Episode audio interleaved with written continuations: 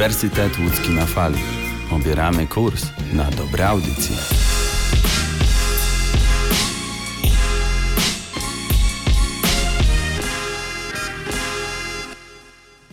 Ach, ta dzisiejsza młodzież. Zero kultury. Dziadek, co ty gadasz? My jesteśmy kulturystami. Kulturyści w UE na fali. Sezon drugi. Dzień dobry, witamy wszystkich bardzo serdecznie w Kulturystach. Jak zawsze, niezmieniony skład, czyli Wiktor Stańczyk. i Damian Zagórski. Oj, sezon drugi. Tym razem już nie ze swoich pokojów, a ze studia. Tutaj widzimy, czujemy się bardzo dobrze. Nie wiem, jakie są twoje odczucia? Ja na początku myślałem, że będę stremowany, ale jednak czuję wigor, chęć do działania. Myślę, że no, będzie pięknie, będzie dobrze. Będzie pięknie, bardzo dobrze cię widzieć na żywo w ogóle. Nie wiem, jak to pójdzie generalnie, bo my razem możemy stworzyć mieszankę wybuchową i nie wiem, czy nam nie będą łzy leciały od samego patrzenia się na siebie. Ważne, żeby nasi słuchacze nie płakali. Tak, mamy nadzieję. Yy, mamy nowe komunikaty, nowa mm, forma kulturystów, czyli już nie takie luźne pogawędki, na to też przyjdzie czas, ale przed tym będziemy przedstawiać Wam krótkie szoty, krótkie informacje. Yy, będzie to muzyczne wydarzenie tygodnia i sportowe wydarzenie tygodnia. Sportem zajmie się Wiktor, natomiast muzykę będę przedstawiał ja i będą to różne ciekawostki ze świata muzyki z tego tygodnia, czy też z minionego. Będziemy się starali, żeby te informacje były jak najbardziej aktualne, a jak to wyjdzie, zobaczymy. Tak wyjdzie. Ale nie przedłużając, z tego miejsca chciałbym zaprosić na muzyczne wydarzenie tygodnia. A prezentować będzie pan redaktor Damian Zagórski. Muzyczne wydarzenie tygodnia.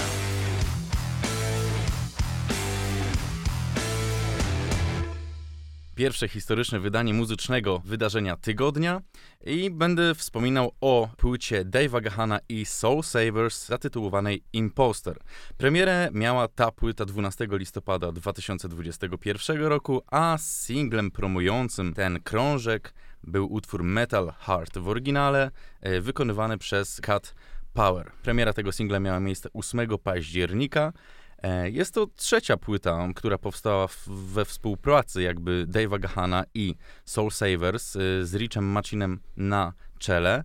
I to jest zaskoczenie, bo to pierwsza płyta złożona z coverów. Nie są to pomysły Dave'a Gahana, natomiast mm, jeśli chodzi o autorskie pomysły, no to bez wątpienia są tu aranże e, Richa Macina i 10 muzyków, które e, zebrała ta ekipa, żeby razem nagrać takie swoje interpretacje utworów już zapomnianych, pierwotnie nagrywanych przez artystów takich jak Neil Young, Bob Dylan, e, Peter Harvey, Cat Power, o której już e, wspominałem. Na pewno przyjrzę się tutaj opiniom internautów. Ja też powiem coś od siebie, bo mm, muszę przyznać, że była to płyta przeze mnie wyczekiwana. Dave Gahan jest e, liderem i wokalistą zespołu Depeche Mode. Dawno już nie mieliśmy jakiejś e, publikacji ze strony tych muzyków. Em, Główny kompozytor Martin Gore ostatnio wydał swoją epkę, jednakże no, odbiegała ona od, od stylu Depeszów i była to jak najbardziej jakby jego intymna przygoda, i jego intymne spojrzenie na muzykę. I tak też jest w tym przypadku, więc je- jeżeli fani Depeche Mode będą chcieli doszukiwać się tutaj energii i tej magii kompozycji zespołu, no to raczej się to nie doszukają, bo aranże charakteryzują się tym, że są bardzo bluesowe, bardzo rockowe, a Dave Gahan swoim zaśpiewem wchodzi w sfery soulowe. Więc może się to spodobać, ale może się to też nie spodobać analogicznie. Jednakże moje y, zdanie jest takie, że na ten moment była to bardzo dobra decyzja, żeby wydać tę płytę teraz, a nie dwa lata wcześniej, czyli w 2019, kiedy grupa muzyków spotykała się, żeby nagrać takowy album. Cały krążek i w ogóle miejsce spotkania muzyków, bo wszyscy nagrywali w tym samym miejscu. Nie jest to tak, że ktoś dosyłał swoje partie instrumentów przez internet e, i nie była to praca zdalna, tylko mm, muzykom zależało na tym, żeby spotkać się na żywo i mieć ze sobą kontakt wzrokowy przy ćwiczeniu tych utworów i przy nagrywaniu. Cały album został nagrany w studiu Shangri-La w Malibu, w tym samym miejscu, w którym Johnny Cash nagrał z pomocą y, Ricka Rubina swoją interpretację utworu Personal Jesus. Czyli utworu też skomponowanego przez Depeche Mode.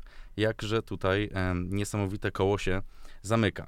Przytoczę opinię internautów, bo to też jest bardzo ważne, żeby tak pokazać wam, jak ta płyta w ogóle została odebrana i czy spodobała się fanom, czy nie. Komentarze czerpałem z grupy polskich fanów Depeche Mode i na przykład pani Agnieszka pisze Fajne, ale niestety dla mnie płyta nudna. Wszystko na jedno kopyta, nic się nie dzieje. Pan Arek tutaj w kontrze do pani Agnieszki powiedział: Kupiłem na winylu, tylko dla głosu Dave'a. Tego typu muzyki nie słucham na co dzień, niemniej nie żałuję zakupu.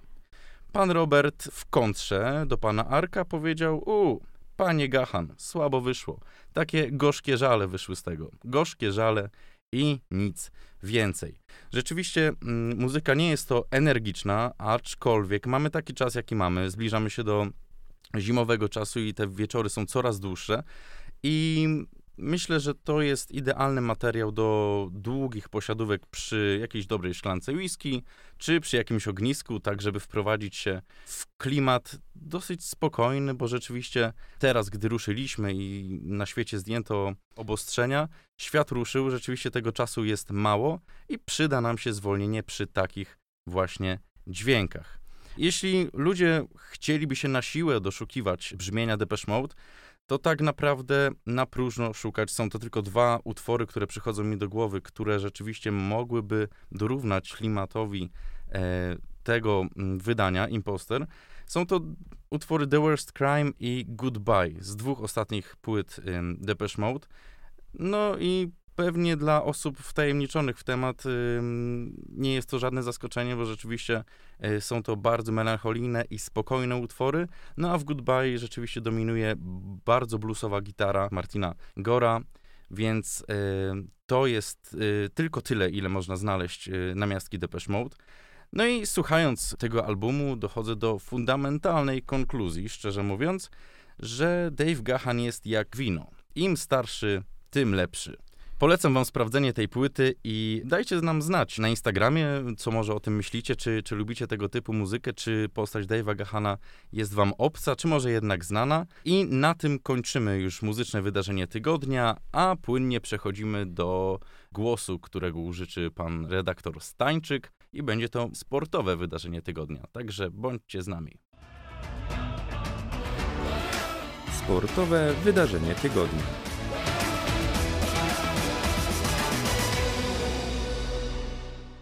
Tak jak wspomniał Damian, y, znajdujemy się teraz w kąciku sportowym, w sportowym wydarzeniu tygodnia. W tym otwierającym drugi sezon wydaniu Kulturystów chciałbym porozmawiać trochę sam ze sobą, ale też z Damianem o tym, jak nasza reprezentacja poradziła sobie w eliminacjach do mundialu. Jak wszyscy dobrze wiemy, były momenty wzlotów i upadków, ale myślę, że co najważniejsze to to, że zajęliśmy drugie miejsce w grupie eliminacyjnej i to, że nie będziemy rozstawieni w barażach. Zaraz sobie to omówimy i wytłumaczymy, jak to wszystko tak naprawdę działa. Na początek podsumujmy sobie, jakie wyniki notowała tutaj nasza reprezentacja. Pierwszy mecz to 3-3 z Węgrami, później 3-0 z Andorą, przegrana 2-1 z Anglią, następnie była wygrana 4-1 z Albanią, później wysoka wygrana San Marino 7-1, ale ta jedynka San Marino też wzbudziła wiele kontrowersji w naszym kraju. Następnie był remis 1-1 z Anglią na Stadionie Narodowym, Później kolejna wygrana z San Marino 5 do 0. Następnie skromna wygrana 1-0 z Albanią. Kolejna wygrana z Andorą 4 do 1 i ostatni mecz, ten najświeższy, czyli przegrana reprezentacji Polski, czyli 1 do 2 z Węgrami. Ostatecznie wygraliśmy 5 spotkań, 2 przegraliśmy, a 2 zremisowaliśmy. I tak naprawdę, co zawiodło, co nie zadziałało, to pytanie myślę, że każdy kibic sobie zadawał gdzieś w głębi serca, ale myślę, że najwięcej wątpliwości możemy mieć po ostatnim meczu z Węgrami, ponieważ wyszliśmy bardzo nietypowym składem, zwłaszcza że to był ostatni mecz eliminacyjny. Mieliśmy już pewne miejsce w barażach, ale nie mieliśmy potwierdzonego rozstawienia w tych grupach barażowych. I może zacznijmy od tego, co to znaczy, że nie mieliśmy rozstawienia. Jeśli drużyna jest rozstawiona, wtedy może zagrać, będzie grała na swoim stadionie, na stadionie domowym z teoretycznie słabszym przeciwnikiem. Jeśli na przykład bylibyśmy rozstawieni, moglibyśmy zagrać w Warszawie lub w innym mieście naszym, tutaj polskim, e, z na przykład taką Macedonią, która nie wydaje się jakimś bardzo silnym rywalem. Niestety tego rozstawienia nie udało się wywalczyć przez przegrany mecz z Węgrami i to może oznaczać, e, że zagramy z takimi drużynami jak Włochy, Portugalia, Szkocja, Walia czy też Rosja. I jakby było tego mało, zagramy z nimi na wyjeździe. I na to składało się tak naprawdę wiele czynników. Nieskuteczność w ataku, ale też chaos w obronie. No i myślę, że przede wszystkim to, e, co było najbardziej niezrozumiałe, to decyzję trenera, który zmienił praktycznie pół składu na ostatni mecz. I tak się teraz zastanawiam, czy jest jakiś sens, mimo że Paulo Souza tym trenerem jest od niedawna, patrząc na przestrzeni na przykład lat Adama Nawałki, który budował tę drużynę przez wiele, wiele, e, wiele lat, to Paulo Sousa miał naprawdę niewiele czasu, bo między eliminacjami jeszcze było euro, no, które nie było dla nas szczególnie szczęśliwe. Więc y, kto wie, na kogo trafimy w barażach i jak tam się pokażemy, bo tak naprawdę przez to, że nie jesteśmy rozstawieni, no te mm, mistrzostwa świata trochę nam odjechały. Mm, ale moim zdaniem reprezentacja Paulo Sousy zasługuje na pochwałę, ponieważ zmieniliśmy styl gry. Teraz piłkarze są dopasowywani do danego stylu gry, a nie styl gry pod piłkarzy, tak jak to było za kadencji Brzęczka. Paulo Sousa ma swoją wizję gry. On wie, jak chce grać, chce rozgrywać szybko piłkę, chce grać dynamicznie. Szybko wychodzić spod swojej bramki i lecieć z kontratakiem, z przemyślaną, ale szybką akcją. I myślę, że mamy do tego zawodników. Mamy bardzo szybkie skrzydła, które potrafią e, zrobić naprawdę dużo wiatru i podać bardzo dobrą piłkę w pole karne. Więc kto wie, być może jeśli Paulo Sousa zostanie trenerem na kolejne miesiące i kolejne lata, chociaż są różne tutaj spekulacje, że tym nowym selekcjonerem reprezentacji Polski może zostać e, pan Czerczesow. Kto wie, co czas przyniesie. Na razie mamy kilka miesięcy bez naszej reprezentacji i dopiero w przyszłym roku reprezentacja zacznie grać w barażach. A za kilka dni dowiemy się z kim dokładnie. Także na pewno za tydzień w Kulturystach o tym powiemy, kogo Polska wylosowała. Na co warto jeszcze podkreślić, jeśli chodzi o reprezentację Polski, to to, że w reprezentacji zaczęła pojawiać się młodzież. I to młodzież już nie byle jaka, ponieważ grająca na tak naprawdę całym świecie. Taki Adam Buksa może już nie jest młodzieżowcem, ale nadal jest młodym piłkarzem i bardzo, bardzo perspektywicznym. I kto wie, być może to on zastąpi Roberta Lewandowskiego. Tak samo Świderski. Kto wie, może oni stworzą duet e, pokroju Lewandowski-Milik. I to, co chyba w ostatnich dniach e, było najważniejsze dla naszej reprezentacji, to debiut Matiego Kasza, E, który obiecywał, że będzie śpiewał polski hymn na Stadionie Narodowym i jak powiedział, tak zrobił. Śpiewał hymn. E, przyznam szczerze, że jak zobaczyłem ten obrazek, to miałem ciarki. Po pierwsze, no, Stadion Narodowy, no to samo w sobie jest wzruszające, gdzie praktycznie 60 tysięcy gardeł śpiewa Mazurka Dąbrowskiego. To jeszcze mamy nową twarz w reprezentacji, która śpiewa ten hymn. I Naprawdę, zrobiło mi się ciepło na sercu. Później zrobiło mi się jeszcze cieplej, wręcz się zagotowałem, kiedy zobaczyłem końcowy wynik, ale to zupełnie inna historia. Redaktor Zagórski aż się zaśmiał z kulis, ale to faktycznie e, chyba lepiej się śmiać niż płakać. Ale to na tyle na razie, jeśli chodzi o reprezentację Polski i wkrótce do Was wrócimy, ale po krótkiej przerwie.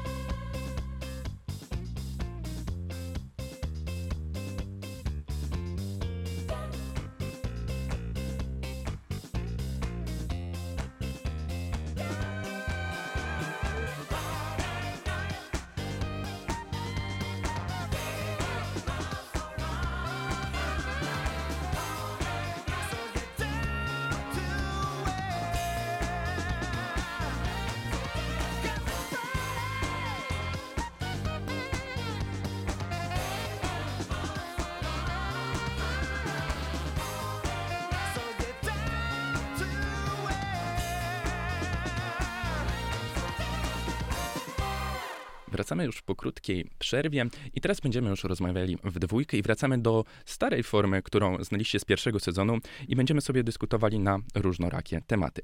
W tym tygodniu będziemy rozmawiali o młodzieżowym słowie roku, ponieważ trwa głosowanie na właśnie wspomniane młodzieżowe słowo roku.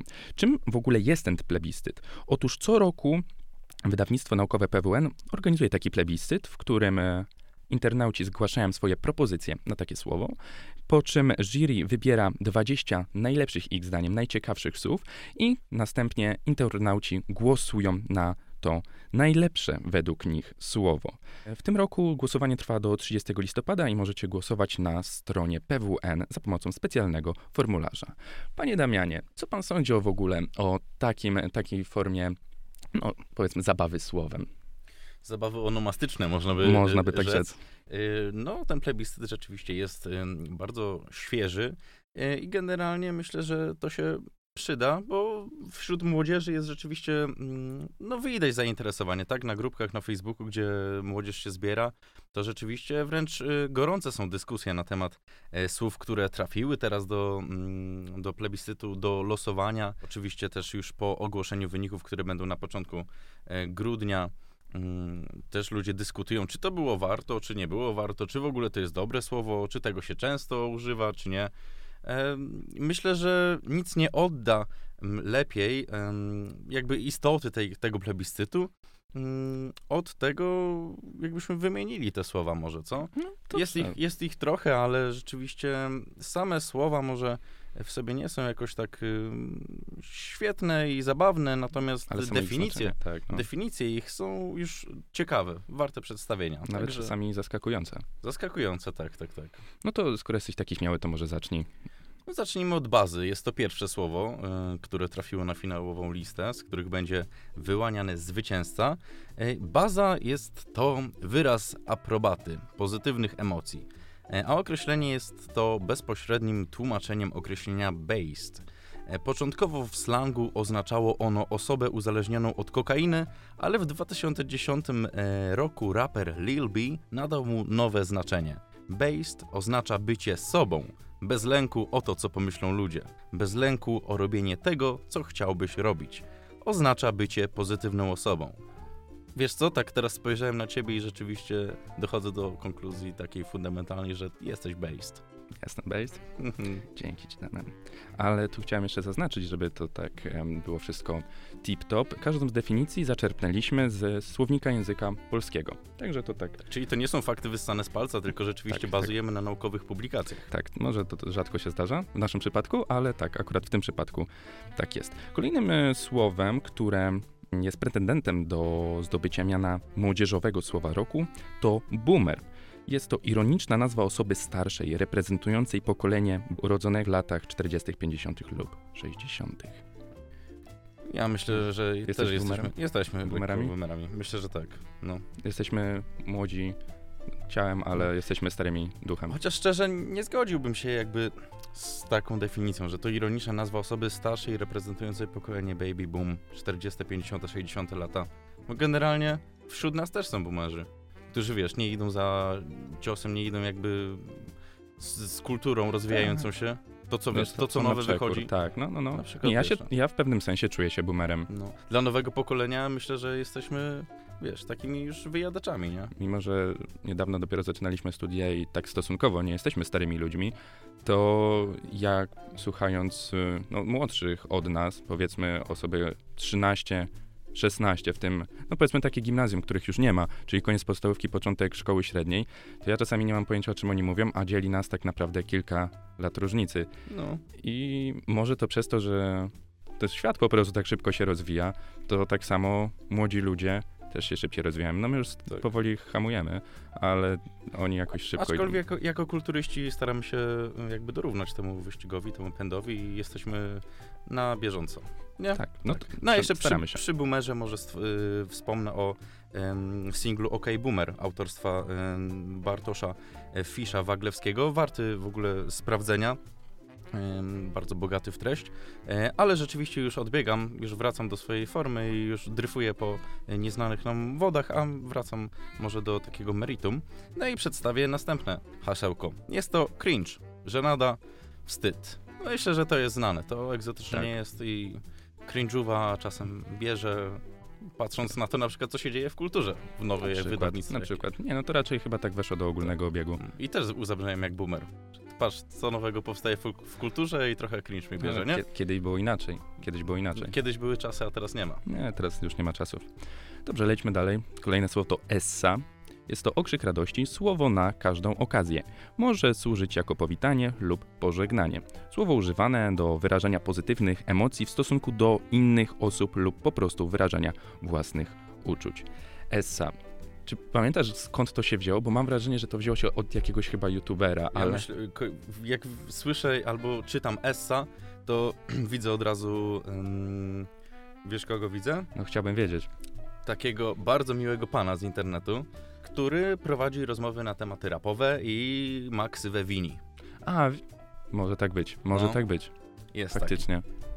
Essa, rzeczywiście. No, oczywiście dużo odmian w, w internecie powstało z tego, jak Essasito, y, Tak. Essunia, coś tam, nie? Także wszystkie... Ile ludzi, tyle wersji tak, tak, naprawdę. tak, tak. Oczywiście. Idziemy dalej, no i niedaleko szukać, bo w sumie literkami się mało y, różni od tego poprzedniego. Hasła jest easy. Czasem też można usłyszeć as, no i to rzeczywiście jest bardziej słowo spotykane w internecie, w grach, oznaczające po prostu łatwe, że ktoś dał się łatwo zrobić. Po prostu. Przekład z angielskiego i nic dodać, nic ująć. Lećmy dalej. E, foliarz. E, definicją foliarza jest wyznawca teorii spiskowych. W ostatnim roku często o antyszczepionkowcach. Mm, szczerze mówiąc, nie wiem dlaczego mówi się foliarz, ale jak już ktoś widzę kogoś z takim. E, z taką folią na, na głowie, No. z, ze specjalną antenką, która łączy się z kosmitami, Tak, z masztem 5G, to jest właśnie to. ewentualnie e, palącym się masztem 5G. Także, także tak. Foliarz rzeczywiście też zasłynął wtedy, kiedy była ta afera o 5G, o to, czy 5G w ogóle jest szkodliwe, czy, czy, czy powinno być, czy, czy niszczyć, Tak. czy palić maszty, czy jednak je rozbudowywać? Tak. E, Lecimy dalej, jest to gituwa. No i wyrażenie zgody lub aprobaty, pozytywne określenie. Generalnie najczęściej chyba używane przez nas y, to słowo jest wtedy, gdy zapytamy się siebie, czy na przykład idziemy dzisiaj na piwo. To wtedy gituwa. No to było takie rozbudowane od git, super, Tak, tak. ekstra. No, Chyba tutaj też nie trzeba specjalnie się nad tym rozwodzić. nie, po prostu gituwa. Ale ja mam wrażenie, że takie słowa, jak właśnie jak gituwa, to były zawsze, tylko teraz jakoś doszukuję się, że one są młodzieżowe, ale czy one są takie młodzieżowe? Gituwa? Trochę już zajeżdża taką lekką podstarzałą młodością, No, że wychodzi- wiesz, że taki ktoś boomer. starszy próbuje być y, bardzo na czasie i... No, myślę, że jakbym porozmawiał z swoją babcią i powiedział no, zupka gituwa, to babcia by się ucieszyła, a nie popłakała, więc raczej by zrozumiała, że jest to coś pozytywnego. No ale dobra, zostawmy babcię i zupkę i gitówę, idźmy dalej. Kolejne hasło to IMO, e, mówiąc po polsku, a po angielsku jest to skrót od In My Opinion. Chyba nie trzeba nic, Nic tłumaczyć. nic ująć. Jest to po prostu skrót od pierwszych liter. Tak jest. Następne hasło to COX, e, pisane różnorako przez X albo przez KS. No i zgłaszane najczęściej jako świetnie. Ma jednak y, wiele znaczeń. Między innymi jest to kokaina, mm, substancja anaboliczna oraz osoba trenująca na siłowni, zażywająca takie substancje. Generalnie jak ktoś jest w ogóle taki dobity i ćwiczy coś, a niekoniecznie się jakby dopędza dodatkowo, Mówimy No to się, też jest z koksem. koksem. Koksem. no. Zresztą patrzę na ciebie i rzeczywiście też jesteś koksem. I to based koksem jesteś. Based koksem. Mimo, że bez wspomagania. Tak. No i nasza szefowa też jest koksem. Tak, Totalnym. Ona jest szefem. To jest szef, szefowa szef. Tak jest. Dobrze, lećmy dalej. I tu jest słowo, którego ja na przykład y, w tym znaczeniu nie znałem, nie używałem przynajmniej, nie spotykałem się z tym. Mrozi. Reakcja na coś żenującego. Z- Znałeś? Z, nie, Mrozi. Nie. Nie wiem, co takiego żenującego mogłoby być ostatnio. Co się stało? Mnie mrozi na przykład, jak y, słucham Zas- Oliwki Brazil. Mrozi, Oj, mnie. oj, oj. mrozi mnie. No mnie to już zamraża. Zamraża? Jesteś mrożonym takim. Jest straszne. Nie, nie ukrywam tego, no boli. No, no dobrze, ale to nie, bo przejdźmy, bo już mi się zimno właśnie zrobiło. Już A to może wiesz, tu zaraz na wiewu kurtkę leci będę gdzieś. musiał iść. Dobra, nara. Nara. Nara. Zwrot używany na pożegnanie. Przekształcone słowo nara oznacza na razie, do zobaczenia. To też chyba się z internetu wzięło, nie? Nara, no kojarzy mi się z um, Masno Gangiem i z Boxdelem No, i całą no, taką no. ekipą. Nara. Nara. No, a to jeszcze do Nara, jeszcze trochę, bo mamy parę haseł i parę jeszcze niespodzianek przed nami. Tutaj y, przeglądając internet w poszukiwaniu tych wszystkich mm, 20 wyselekcjonowanych y, słów, znalazło się słowo oddaję. No i wydaje się, że oddaję to znaczy oddawać coś komuś. A tutaj w definicji jest opłaca się. Mhm. Nie wiem, jakby to było. Jakbyś przypomniał sobie czasy podstawówki, kiedy wymieniałeś się kartami na przykład dostałbyś jakiegoś y, Ronaldo świecącego i Messiego, a dałbyś za to na przykład, nie wiem, Ronaldinho, Ibrahimowicza i Kakę. Czy I to co się, wtedy czy, byś powiedział, czy czy, to się oddaje? czy to się oddaje? Nie, to się wymienia. No właśnie. A Nie kto rozumiem. daje i odbiera, ten się Może faktycznie, może nadal wychodzi boomerstwo. Boomerstwo. Y, No. Z każdym słowem utwierdzam się coraz bardziej, Idziemy dalej, póki mamy te roboty. bo szefowa już się załamuje. No. Dobra, nawet nie pamiętam. Wezmę następne hasło, co? Pokczampika wezmę. Oczywiście, bo bo, kolejkę. bo to jest twoja kolejna. No dobra. Wyraz zadowolenia, aprobaty, pierwotnie emotikon. Określenie, że coś jest fajne, kozackie, niedowierzanie i zaskoczenie, radość i zadowolenie. Pokczampik ogólnie. Pokczamp. To się z Twitcha wzięło, gdzie generalnie się streamowało. Znaczy, nadal się streamuje, ale rzeczywiście nie odwiedzam tych portali, bo jestem boomerem, nie? No tak, I- No. Ale my gramy w karty, Tak, gierki. my- mhm. No i warcaby też. Tak, tak, lubimy. E, Szachy już są za trudne, to już bardziej intelektualne. Studiujemy dziennikarstwa. Nie, nie oszukujmy się. E, Kolejne hasło e, to rel, czyli z angielskiego czuję to samo, mam tak samo, prawdziwie, zgadzam się z tobą. Nie wiem, czy używasz, ja niekoniecznie, chociaż znałem, kojarzyłem, ale przynajmniej w, mojej, w moim słowozbiorze nie, nie, z- nie znajduje się tak. Wchodzi mi to w krew z racji tego, że dużo czasu na gifach spędzam. Jest to taka grupa na Facebooku. Takie stowarzyszenie młodzieży, że tak powiem. No i tam rzeczywiście posty niektóre y, i, i szkieletory to taki nowy rodzaj memów. Nie wiem, czy wiesz, y, czy spotkałeś jakiegoś szkieletora na swoim, na swojej drodze? Takie obrazki, szkieletory. Zdarzyło się. No, no i tam są właśnie.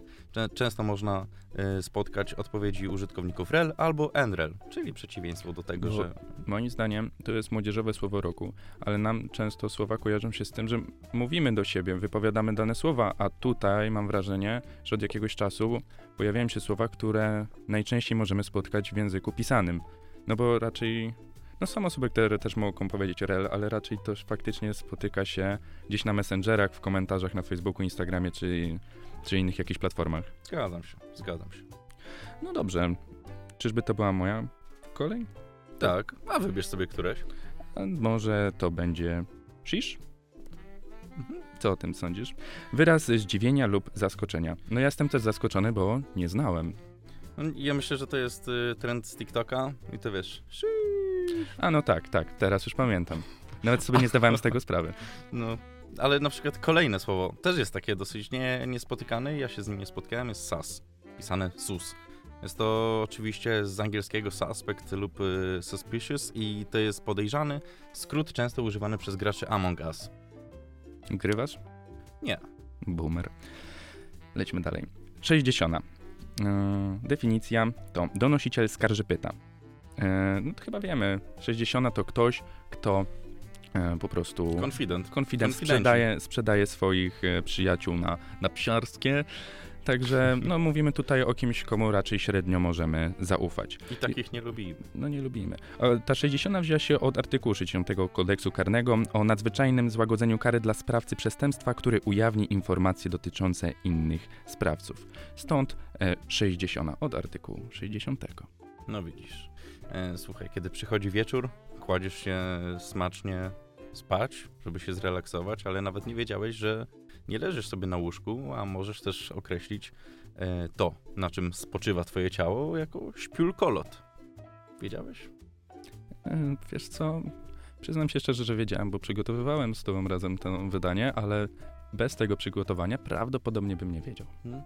Także no, jeszcze troszkę do śpiulkolotu, bo co, mamy już godzinę 17 coś, niedziela, także ja mogę ci jutro powiedzieć, poniedziałek, trzeba wstawać ja mogę ci wcześniej. powiedzieć twoja stara. O, Twoja stara też pewnie musi wstać, ale twoja stara jest kolejnym słowem w tym e, plebiscycie i twoja stara, no to po prostu twoja stara czy twoja mama, ale Jest to też od, taka odpowiedź praktycznie na każdą zaczepkę, może też być obelgę. Można tu powiedzieć trochę odczep się, daj mi spokój, ale jeśli mówimy o określeniach na własną mamę, to kiedyś rozmawiałem ze swoją babcią i na rodziców mówiło, mówiło się Jarecka i Jarecki. Nie mam pojęcia dlaczego, ale to... A, Nie jakoś wiem. tak nasza szefowa się dziwnie poruszyła, myślałem, że spadła z krzesła przez to, co Bo, powiedziałem. zas, bo zasnęła, bo już A, przynudzamy. no tak, już, dobrze. Nie, ale twoja, w ogóle twoja stara przecież już żyje od zarania dziejów. Przecież twoja stara No przeszło... ci- przebierała dinozaury. No ale, tak. Nie no, ale przecież to nawet nie, nie, nie może być słowo tego roku. Twoja stara jest, Twoja stara jest tak stara, że żadna stara nie jest tak stara jak twoja stara. no... Nie, nie rozumiem. da- nie da się. rozumiem. Twoja stara to nie jest jakiś wymysł tego społeczeństwa, nie?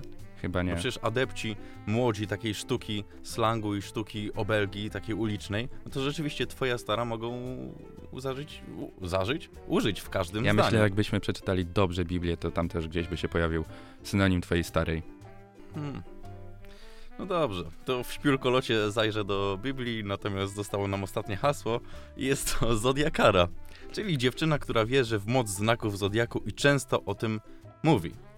No, taka niespodzianka nas spotkała na, Ale na to raczej zajęciach. takie logiczne, Tak, nie? nasza pani redaktor naszej gazety wspomniała, że rzeczywiście interesuje się Zodiakami. Nie, to było na seminariach. Na seminariach. Rzeczywiście. Z- Zamieszało mi się w głowie. Natomiast no, powiedziała, że się tym pasjonuje i rzeczywiście powiedziała, że lew jest najgorszym znakiem zodiaku. A ty jaki masz? Y, Ja mam lew. A, no to wszystko jakby wyjaśniał. Mlew, boomer, Jezu, może być jeszcze gorzej? Ach, mam nadzieję, że będę kiedyś based, ale to jeszcze długa droga przede mną. E, No i co? No może przytoczę coś takiego, mm, takie, taki wpis mm, takiej popularnej sieci pizzerii. Em, Ktoś odpowiedzialny za social media wystosował takie pismo na Facebooku. Chyba komuś puściły nerwy. Wiesz co? Możesz się ułożyć grzecznie i wygodnie Czekaj, czekaj. i wczuj się, wczuj się w autora. Kto był autorem tego Leżę tekstu? na łące i skupiam się tylko na twoim głosie. Dobrze. Nie ma większego koszmaru dla admina niż nowy trend w social mediach, czy inna okazja do posta real-time marketingowego. Serio. To życie w ciągłym stresie, że z popołudniowej drzemki wyrwie mnie informacja, że trzeba podpiąć się pod jakiś trend. I się zaczyna robienie fikołków i szukanie sprytnego połączenia między pizzą, a tym nowym serialem czy innym morsowaniem. Pizza Giuseppe jest okrągła, a ten serial taki fajny, że też na okrągło by się mogło go oglądać. Hi hi. Dyskusje wokół premiery są gorące, tak jak nasza pizza 4 sery hot. Hi hi. No błagam. Ale najgorsze jednak są wybory młodzieżowego słowa roku, zwane inaczej corocznym festiwalem cringe'u i koszmarem chyba każdego działu social media. Ho, ależ to powiedziałem. Wszystko jedno, co się wymyśli, to publika i tak napisze, że koleś od marketingu ma chyba 150 lat i w ogóle o co chodzi. A na dokładkę co drugi komentarz to give How do you do, fellow kids? Strach myśleć, jakie słowo wygra w tym roku. W sumie fajnie by było, jakby to był cringe. Wtedy wszystkie posty z tej okazji będą przynajmniej trafione i nikt się nie doczepi. Hehe. Szachmat, fellow kids. To już koniec? To już koniec. A wiesz dlaczego to przytoczyłem? Bo tak, tak weszło mi to rzeczywiście, że ktoś się wypowiedział o tym festiwalu corocznego słowa młodzieżowego. Yy, znaczy może corocznym festiwalu na młodzieżowe. Plebiscycie. No, plebiscycie. Aczkolwiek, no, jak ty to oceniasz? Bo rzeczywiście to jest w sumie dla takiego marketingowca, No trudne, jeśli ale chodzi o to tak jakby to... budowlaniec narzekał, że deszcz pada. No, no, No właśnie, taką ma a- pracę, no. On się musi na tym skupić i, i tyle chyba. Ja wiem, że to może nie być łatwe, jest głupie, ale skoro spotyka się z takim, a nie innym zadaniem, Mhm. to musi mu podołać. Generalnie no, ktoś wybrał taki zawód, jaki wybrał i rzeczywiście chyba może go prze, jakby przerosło to wszystko. No bo rzeczywiście w, w, w socjalach, no to trzeba być czujnym 24 godziny na dobę, nie? Musisz być biegły w tym, co się Mm. dzieje. Trendy, w, no, tak jak wspominaliśmy, No. w dzisiejszych czasach zmieniają się bardzo szybko. Nawet tak szybko, że my niektórych słów, tych popularnych teoretycznie, No. nie znamy, chociaż ich mm, popularność moim zdaniem też jest lekko wątpliwa. To tutaj a propos tego posta, o którym ty mówisz i czytałeś, to nie wiem, czy te zarzuty tego kogoś są aż tak w punkt trafione. Ja wiem i zgadzam się z tym, że to potrafi być głupie. No bo nie ukrywam, że tu pizza jest okrągła, a my na okrągło na przykład oglądamy serial, pizza jest gorąca i w ogóle... Jak nasze cztery sery. Jak nam tak i wszystko tak. Ale No na tym trochę to polega. Czasami lepiej zapamiętać głupi tekst, ale zapamiętać, niż ktoś miałby się silić na coś naprawdę wyszukanego i mądrego i to by gdzieś przeszło. Na przykład, moim zdaniem, taką t- strategię miało Media Expert. Pamiętasz śpiewające wiewiórki? Tak. A dlaczego Nie to mogą za... mi wyjść z głowy. No nie mogą, bo to było strasznie głupie, Mhm. moim zdaniem. Co mają śpiewające wiewiórki do y, sprzętu, tam nie wiem, RTV, AGD czy innej elektroniki? No nic. No ale to było na tyle głupie, że ludzie to zapamiętali. No później jeszcze doszedł konflikt z Agnieszką Chylińską, która Mhm. mm, Teraz już się wiem. zgra- Tak, tak, gdzie się kupuje. tak, Albo tak, y, Ewelina Lisowska, włączamy niskie ceny. tak. Cudowne. Dawno Słuchałem. E, Od tego momentu, kiedy te reklamy były, to rzeczywiście już nie mam telewizora i nie oglądam. tak, ja tak samo raczej nie włączam. I teraz jest pani Kleo, która non-stop wyświetla mi się na YouTubie w reklamach i no przez to, że jest od tego dużo i jest to nawet głupie, no to i tak ludzie o tym mówią, będą o tym pamiętać i myślę, że to jest y, główne zadanie No, takich ludzi. to jest prawda i wiesz, że nawet istotą takiego marketingu i promowania czegokolwiek, to nawet y, Krzysztof Stanowski wspominał chyba w rozmowie w Niuansie, kiedy był właśnie u Wojewódzkiego i Kędzierskiego, że miał propozycję promowania kogoś, ale w sposób egzotyczny, bo ta firma, która chciała promocji, prosiła go o to, żeby po prostu po nich jechał. Czyli taki troszkę, taka Nie- odwrócona nieważne, strategia. Nieważne, co mówią, ważne, żeby Po mówili. prostu, żeby jechał i generalnie pewnie by tak to zadziałało, bo jakbyś Tak. usłyszał, że oni są fatalni w ogóle, co oni robią, to prędzej byś, y, jakbyś to sprawdził, niż jakby, wiesz, ktoś polecił i słuchajcie, te usługi są świetne, po prostu mistrzostwo świata. No wtedy pomyślałem, że jest po prostu jakaś tam zwykła, No, płatna. No, dobra. A tutaj pomyślałem, że zwłaszcza Stanowski, który częściej jedzie niż chwali, no tak samo było z Jasiem Kapelą. On go zaprosił z dwóch powodów. Po pierwsze, wiedział, że to może być coś mocnego. On go nie znał. To za- zaznaczmy, on go nie znał. Mm, I chciał porozmawiać o tej opłacie reprograficznej. No i okazało się tak, że Jaś Kapela zupełnie był nieprzygotowany do tego. Nie był przygotowany meter- merytorycznie, ale myślę, że też życiowo i psychicznie do tej rozmowy. Za to Stanowski był przygotowany na każdym polu jakieś, lepiej był przygotowany jakieś 150% niż pan Jaś Kapela. I zrobiło się bardzo głośno o naszym e, pisarzu, Tak, figlarzu. tak, ale no to wspaniały program, no bo też jakby pobudził kreatywność y, pana Mazurka i pana Stanowskiego i powstaną Powstały kmioty. Kmioty polskie. W zasadzie już powstały i chyba się nawet nieźle sprzedały i teraz e, są już na etapie wysyłki. Kto wie, może kiedyś y, przystąpimy do recytacji. Myślałem, że do wspólnej rozmowy z panem Mazurkiem i Stanowskim. Ale to Tak. Tego nam życzę. To wiesz co, jak już jesteśmy jeszcze przy tym e, młodzieżowym słowie roku, to może tak szybciutko sobie powiemy o tych słowach, które wygrywały poprzednie plebiscyty. Świetny pomysł, rzekłbym koks. O, gituwa. E, lećmy od 2016 roku. W 2016 roku wygrało słowo sztos, czyli można powiedzieć, że to takie określenie na super, ekstra, trochę jak gituwa. Nie no, sztos rzeczywiście był na Był czele. sztosem. No był sztosem. Czy już No, no. nawet moi rodzice się śmiali, o, sztos, nie? No tak, i nadal się tego używa. No, Może nie jest tak bardzo popularne, ale faktycznie jest. ale był boom. Mm, mm, mm, mm. W 2017 roku podobnie Sztos zebrał największą ilość głosów. Jednak przez to, że zwycięzcą nie może być to samo słowo, e, wygrało w zasadzie nawet nie słowo, a znak XD. Mhm. Ciężko to wytłumaczyć. To jest raczej emotikona, zbiór dwóch liter, które oznaczają coś bardzo śmiesznego, absurdalnego. No, ikona. Y, no rzeczywiście, taka emotka. Natomiast często używana w, rozmowie, nie? Że o, XD. No nie powiesz o dwukropek D albo dwukropek P, nie? W rozmowie. No nie. No ale w rozmowie z kimś to rzeczywiście komuś się może wymsknąć XD. No już tak, to XD zrobiło się na tyle powszechne, że nawet nie zwracamy uwagi czasem, jak ktoś tak powie. No. A wiadomość y, dłuższa, kilka wymienionych konwersacji na Messengerze bez XD oznaczają kłopoty e, z dwóch powodów. Albo piszemy naprawdę na poważny temat, albo ktoś ukradł telefon drugiej osobie. Mhm. Bo najczęściej jak już kogoś dobrze znasz, to to XD jest na porządku dziennym. I, tak. I czym więcej D, tym większa beczka. Tak. No i X też wtedy musi być gigantyczny. No, bo z małym... No Nie, to, to, to, już rozmiar... trochę, to już trochę To, takie... już są, te, to są te detale. Tak, to nie? są te detale. Mm, 2018 Mhm. mm, wygrało słowo dzban. A to jest negatywne i zabawne określenie osoby, która się zawiesiła i nas nie słucha albo zrobiła coś głupiego lub śmiesznego. Mam wrażenie, że oczywiście to definicja, którą teraz przytoczyłem, to też e, z słownika, ze słownika języka polskiego, Tak. ale dzban mam wrażenie, że przybrało wiele innych form. Ja trochę to tak kojarzyłem, że jak ktoś jest dzbanem, to jest takim lekkim nieudacznikiem życiowym. Trochę taki synonim do słowa debil. Też. Debil, nieudacznik, taka sierota? Mhm. Taka klucha. Nie, no może nie. Klucha to nie, bo już takie. Ale dzban, debil, coś takiego, nie? Tylko Tak. trochę łagodniej. Tak. No ty, dzban z ciebie jest na przykład, jak ktoś by ci powiedział. Ze mnie to już taka raczej wielka waza. O. Lećmy dalej. 2019 rok i alternatywka. Jest to określenie na dziewczynę o poglądach, no jak sama nazwa mówi, alternatywnych o, od tych, które są w obecnym mainstreamie.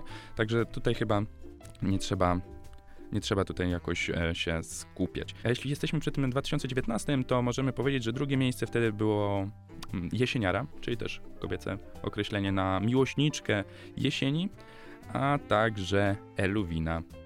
Powitanie, efekt przekształcenia słowa halo, elo. Tak. I w tamtym roku doszło do ciekawej sytuacji, ponieważ nie rozstrzygnięto tego plebiscytu, e, a to chyba dlatego, że Sasin miało być najpopularniejszym, e, najpopularniejszym słowem, a to raczej wiąże się z tym, e, że Sasin zorganizował bardzo dobre wybory, tanie w przebiegu. To była dobra inwestycja. Dobra inwestycja w przyszłość. E, to był Sasin, Sasinować, ale także em, były takie jak Julka i Spewłenić. Mhm. No i No z PWNić może nie, ale rzeczywiście Sasin, Sasinić i Tak. waluta w ogóle w, Sasinach. Tak. Tak. Którzy ludzie chcieli płacić. jeden Sasin to po prostu. 70 milionów na przykład złotych. No, to, to naprawdę, ale rzeczywiście aż strach bierze, że e, nawet taki plebiscyt, który był taki, no przecież mało znaczący, tak? Mm, I tak został poddany jakby takiej mini cenzurze, nie? Mini cenzurze. W tych słowach jeszcze oprócz Sasina, Sasinować i tych innych były też słowa niecenzuralne. One częst, czasami się pojawiają, ale tutaj już były by, wyrzucone na piedestał.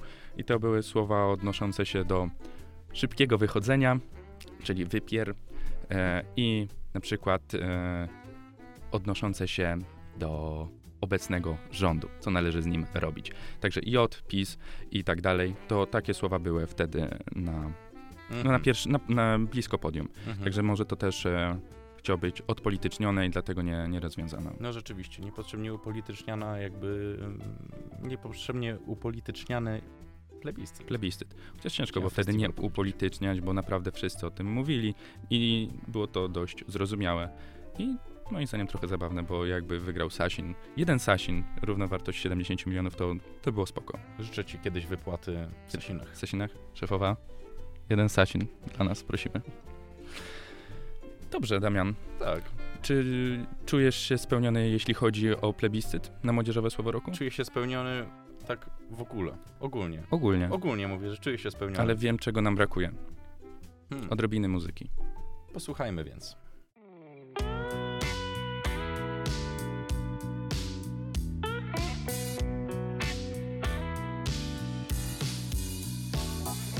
Times I turn left when I should have turned right. Sometimes I sleep all day, I stay up all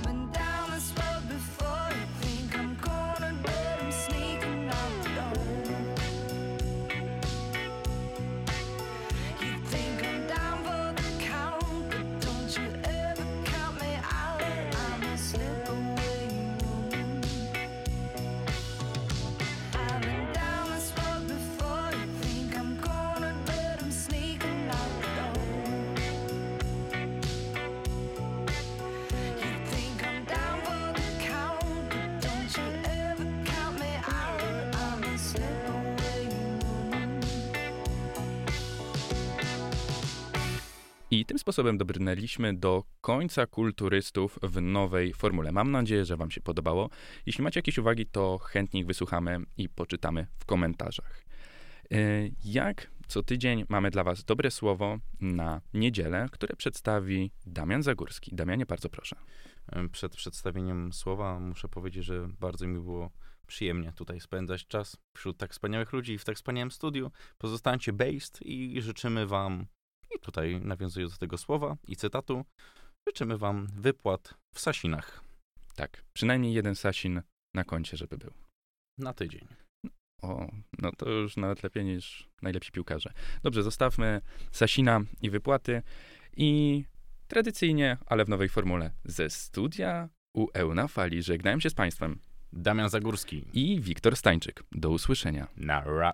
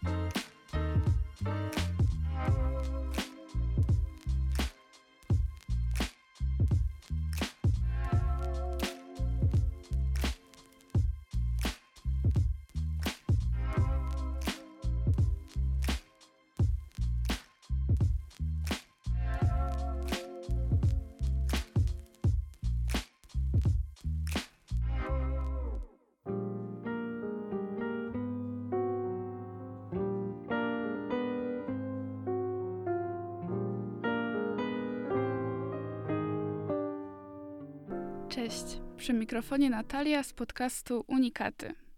Będzie to moja prywatna, osobista selekcja historii stojących za trzyminutową piosenką. Zaczynamy bez ogródek, by dowiedzieć się tego, czy Michael Jackson słuchał Nirwany. Przenosimy się w lata 90., które już na samym początku w stanie Waszyngton zapowiadały się dosyć rewolucyjnie. Odchodzono od królującej w latach 80. sceny rockowej, która pod koniec tej dekady stawała się przerysowana i groteskowa. Jak pisze Anna Gacek w Ekstazie, książce poświęconej historii lat 90., idole uwierzyli, że są bogami. Podróżujący prywatnymi odrzutowcami i limuzynami, romansujący z najpiękniejszymi kobietami świata muzycy, może i śpiewali dla swoich fanów, ale nigdy o nich. Nie mieli z nimi nic wspólnego. Rozpoczynała się era szaleństwa młodych, zbuntowanych dzieciaków ubranych w koszule w kratę i martensy. Po pierwszych krokach grunge'owych zespołów, takich jak Model of Bone, Mad Honey, Pearl Jamu, lokalna scena Seattle czuła. Po mieście krążyła niewydana jeszcze płyta, ale ci, którzy słyszeli ten krążek, wiedzieli, że życie będzie dzieliło się na to przed i po wydaniem Nevermind, drugiej płyty Nirwany. Co znaczy Nirwana? Mieć wszystko gdzieś i dobrze się bawić.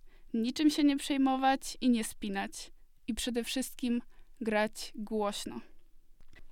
Już od samego początku Nirvana grała gitarowe brzmienia, a lider grupy Kurt Cobain wiedział, że ich pierwsza płyta Bleach powinna być sukcesem i nie mógł pogodzić się z rozczarowaniem. Jego twarz, która gardziła komercją i pogonią za pieniędzmi, miała też drugą odsłonę. Kurt marzył o sukcesie. Wiosną 1991 roku rozpoczęto pracę nad płytą Nevermind. Jeszcze w momencie nagrań muzycy Nirwany byli tak biedni, że organizowali dodatkowe koncerty, by zarobić na paliwo do Los Angeles.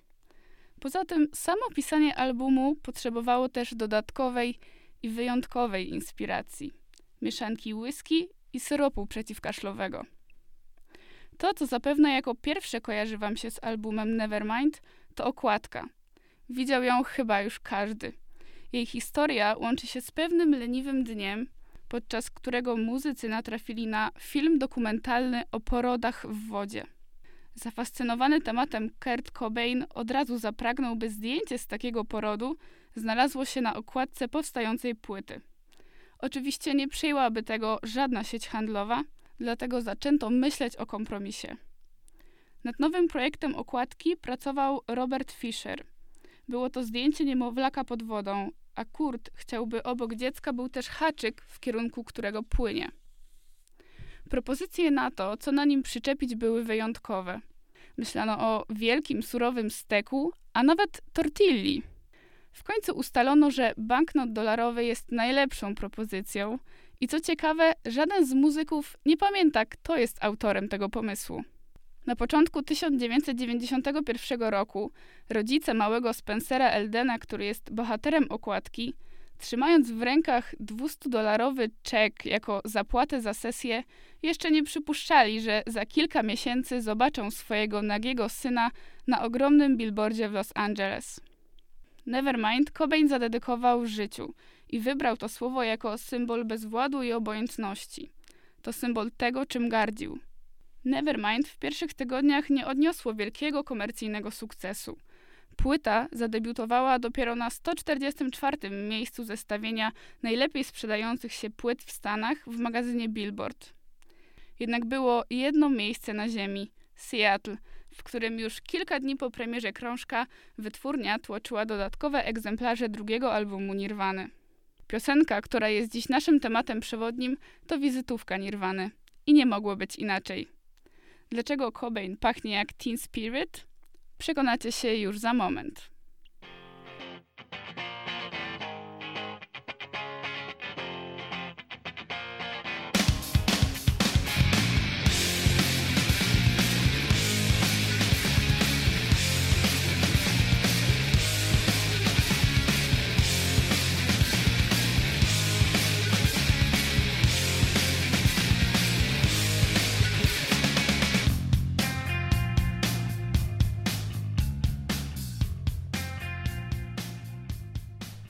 Inspirację do tytułu Smells Like Teen Spirit Kurt odnalazł podczas pijackiej nocy z Kathleen Haną, wokalistką zespołu Bikini Kill.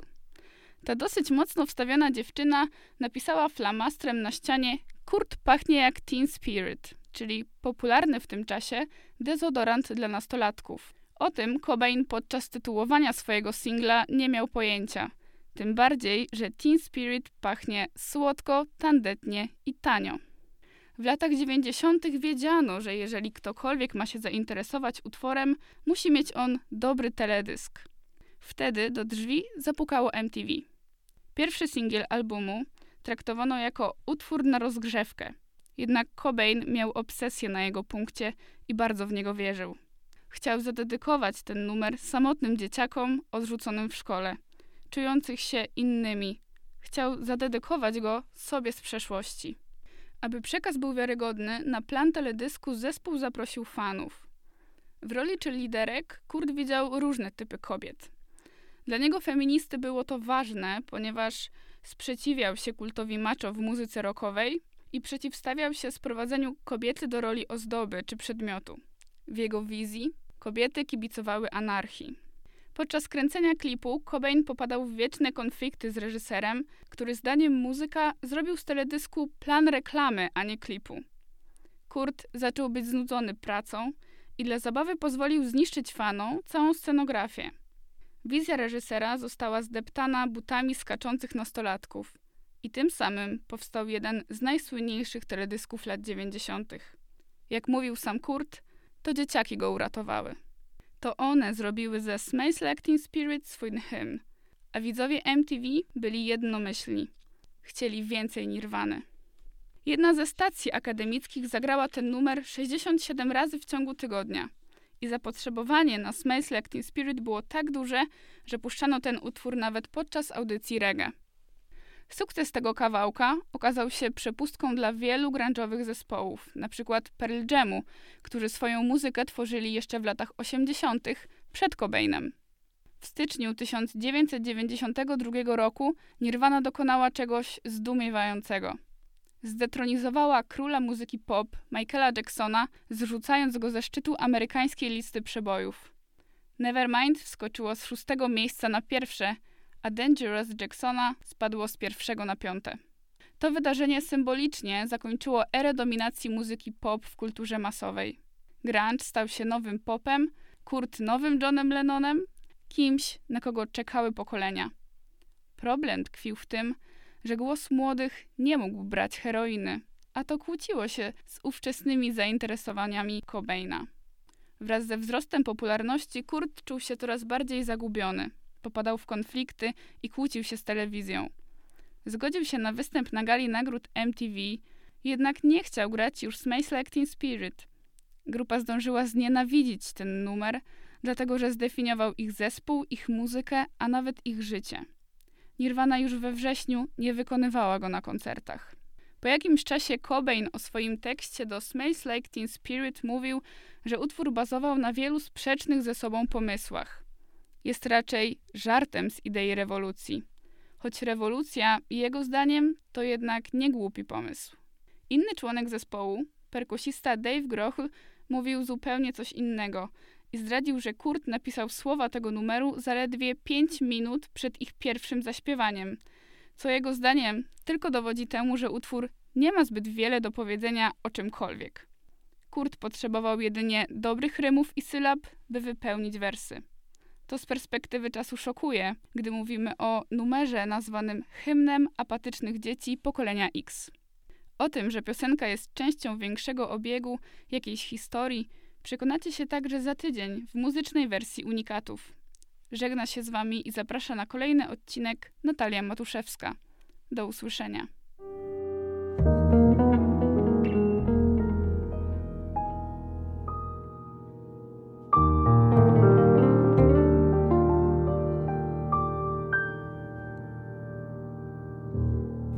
Cześć wszystkim, z tej strony Martyna. Witam Was serdecznie w Melomanii w pierwszym odcinku po wakacjach.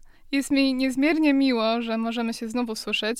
E, tym, którzy być może już mój głos kojarzą, przypominam, zaś nowych słuchaczy informuję, że w tym podcaście usłyszycie o najwybitniejszych muzycznych albumach z kilku ostatnich dekad, tych popularnych, ale czasami również tych zapomnianych, lub tych, które wcale nie doczekały się rozgłosu, choć na pewno na to zasługują.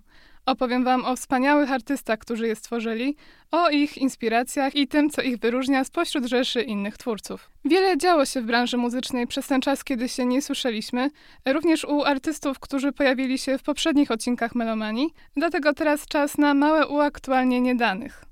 Informacja, która chyba najbardziej zawojowała muzyczny świat, to ta o powrocie Abby. Niedawno do sprzedaży trafił pierwszy od prawie 40 lat album legendarnego szwedzkiego zespołu. Moim zdaniem brzmi świetnie i bardzo w stylu Abby. Jeśli jeszcze nie słyszeliście, to naprawdę warto. Swój długo wyczekiwany powrót potwierdzili także Tears for Fears. Brytyjski duet podzielił się z fanami singlem tytułowym z płyty The Tipping Point, która ukaże się 25 lutego. Ja nie ukrywam, czekam z niecierpliwością, bo po usłyszeniu wspaniałego pierwszego utworu śmiem przypuszczać, że całość będzie równie dobra. I Was zachęcam do śledzenia, bo ponoć jeszcze w tym roku poznamy kolejny singiel. Ale jak już mówiłam, Melomania to nie podcast o nowościach, a o bogatej przeszłości muzyki, dlatego teraz przejdę już do tematu dzisiejszego odcinka, a będzie nim płyta Kick zespołu In Excess, wydana 12 października 1987 roku. Zapraszam. In Excess to czołowi artyści australijskiej sceny muzycznej i legendy rocka. Pomogli zdefiniować niezliczone odłamy gatunku, od klasycznego soft rocka i pop rocka po pub rock, funk rock czy rock alternatywny. Są również przypisywani do nurtu New Wave. Przez 10 albumów wydanych w ciągu 20 lat działalności w oryginalnym składzie osiągnęli sukces nie tylko krajowy, ale i globalny. In Excess sprzedali ponad 75 milionów płyt. Zdobyli aż 6 statuetek ARIA, czyli australijskiego przemysłu muzycznego, w tym trzykrotnie dla najlepszej grupy, 5 statuetek MTV Video Music Awards i dwie Brit Awards w kategoriach honorujących artystów spoza Wielkiej Brytanii. W 2001 roku zostali wprowadzeni do australijskiej Hall of Fame. Bogatym dorobkiem In Excess inspirują się kolejne pokolenia, a wśród swoich inspiracji wymieniają ich m.in. The 1975, Maroon 5 czy Savage Garden. Choć oryginalny skład In Excess liczył sześciu uzdolnionych muzyków, popularność w dużej mierze przyniósł zespołowi jego wokalista Michael Hutchence. Był jednym z najbardziej charyzmatycznych liderów naszej planety, obdarzony pięknym wokalem, talentem lirycznym, niezwykłą osobowością, niewątpliwym seksapilem i niemalże magnetyczną ekspresją na scenie. Jest do dziś nieodłącznym symbolem In Excess, do tego stopnia, że po jego śmierci w 1997 roku żaden ze śmiałków nie potrafił skutecznie go zastąpić, a liczne próby reaktywacji zespołu przeszły bez echa lub kończyły się niepowodzeniem. Dziś ode mnie, jak już wiecie, kilka słów o legendarnym, przełomowym dla Inexes i szóstym z kolei albumie Kick z 1987 roku. Nie mogę jednak pominąć wydarzeń, które do niego doprowadziły, dlatego zacznę tradycyjnie od krótkiej historii zespołu. Ojcami założycielami Inexes byli trzej bracia Faris: Andrew, John i Tim. Od wczesnych lat 70. każdy z nich oznaczał się nieprzeciętnym talentem muzycznym, ale przez pewien czas żaden specjalnie nie palił się do tego, aby łączyć swoje siły i grać razem. I tak najstarszy Tim działał w duecie ze szkolnym kolegą Kirkiem Pengilim, również gitarzystą i do tego mistrzem saksofonu. Drugi w kolejności starszeństwa, Andrew, z łatwością wymyślał świetne melodie, które następnie odgrywał na klawiszach. Wkrótce założył zespół Dr. Dolphin, do którego dołączyli jego koledzy z klasy, basista Gary Beers i Michael Hutchins, który przejął rolę wokalisty. Michael wyróżniał się na tle pozostałych chłopaków. Wrażliwy, skryty, wycofany. Jako dziecko sporo podróżował z rodziną z powodu pracy ojca, który prowadził liczne biznesy, często poza Australią. Dzięki temu młody Michael poznał różne kultury i imponował wśród rówieśników wiedzą, inteligencją i niestandardowymi zainteresowaniami. Pasjonował się na przykład poezją. Miał przy tym powodzenie u dziewczyn, przystojny, wysportowany. Myślał nawet o karierze pływackiej, którą ostatecznie zaprzepaściło poważne złamanie ręki. Dlatego więc Michael, choć nigdy o to nie zabiegał, gromadził wokół siebie mnóstwo wpatrzonych w niego ludzi. Dobrze orientował się także w branży muzycznej. Znał twórczość wielu artystów, o których jego koledzy nigdy wcześniej nie słyszeli, a którymi właśnie dzięki niemu zaczęli się inspirować przy tworzeniu własnego materiału. Wreszcie w 1977 roku Tim Ferris zaprosił swoich braci, aby dołączyli do niego i Kirka. Andrew naturalnie pociągnął za sobą Michaela i Garego. Szóstym członkiem stał się najmłodszy z braci Ferris, John, jako perkusista. Sextet przyjął nazwę The Faris Brothers i w sierpniu tego samego roku zadebiutował występem na żywo w nadmorskim Whale Beach. Chłopcy byli z tobą zżyci na tyle, że kiedy rodzice braci Faris przenieśli się do Perth i zabrali synów z sobą, reszta zespołu również się tam przeprowadziła, aby kontynuować próby i sesje nagraniowe, a po ukończeniu szkoły przez najmłodszych wszyscy wrócili do Sydney.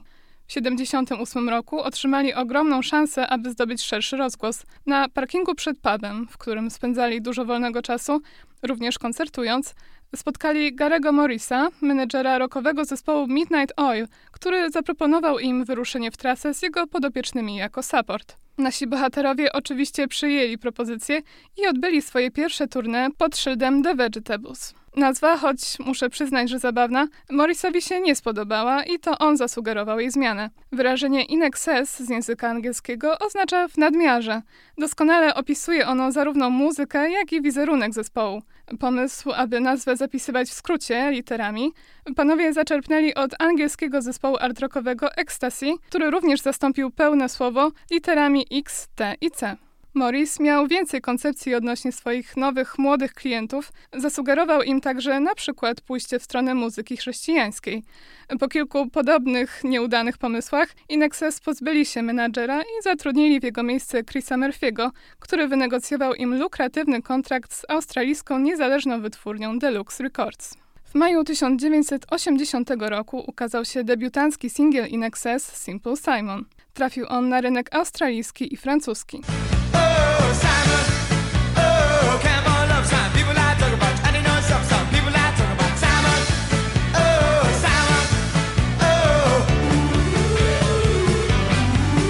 Utwór jest utrzymany w stylu ska, nurtu niezwykle popularnego na przełomie lat 70. i 80. oraz funkowego lekkiego rocka.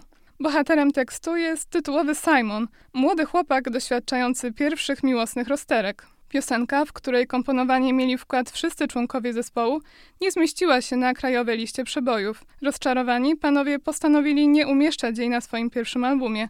Zatytułowany po prostu In Excess, miał on swoją premierę w październiku 80 roku i wyprodukował tylko jeden singiel, Just Keep Walking. Nawet w Australii krążek przeszedł praktycznie niezauważony. Zajęło mu wiele lat, aby w końcu pokryć się złotem.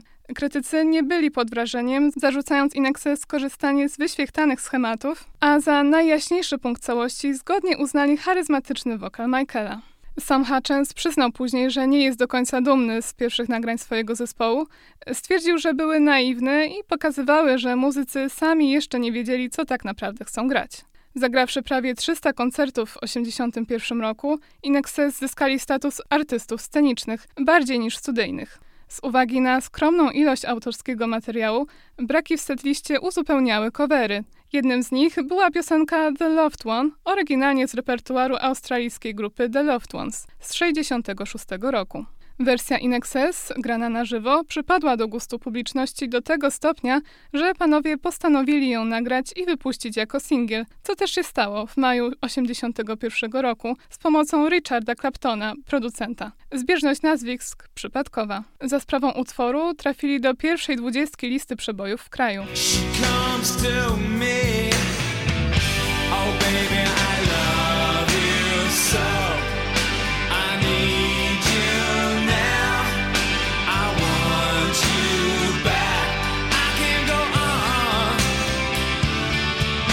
The Loved One urósł do rangi hymnu stadionowego i przez wiele następnych lat obowiązkowo wybrzmiewał na koncertach In Excess.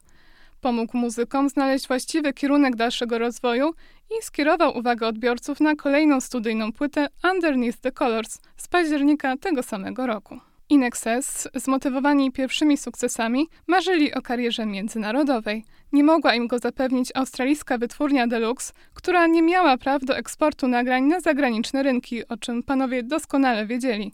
Przez kilka miesięcy szukali dużej firmy, która wzięłaby ich pod swoje skrzydła oraz znanego i cenionego w branży producenta. Ponieśli jednak porażkę. Wkrótce wpadli na szalony plan, aby nowy materiał nagrać za własne pieniądze. W tym celu sporo występowali, każdy z muzyków popracował trochę na sesjach z innymi artystami, Michael natomiast zaśpiewał piosenkę Speed Kills do filmu Freedom Scotta Hicksa. Zebranych w tym czasie pieniędzy wystarczyło na singiel The One Thing, wydany w lipcu 1982 roku.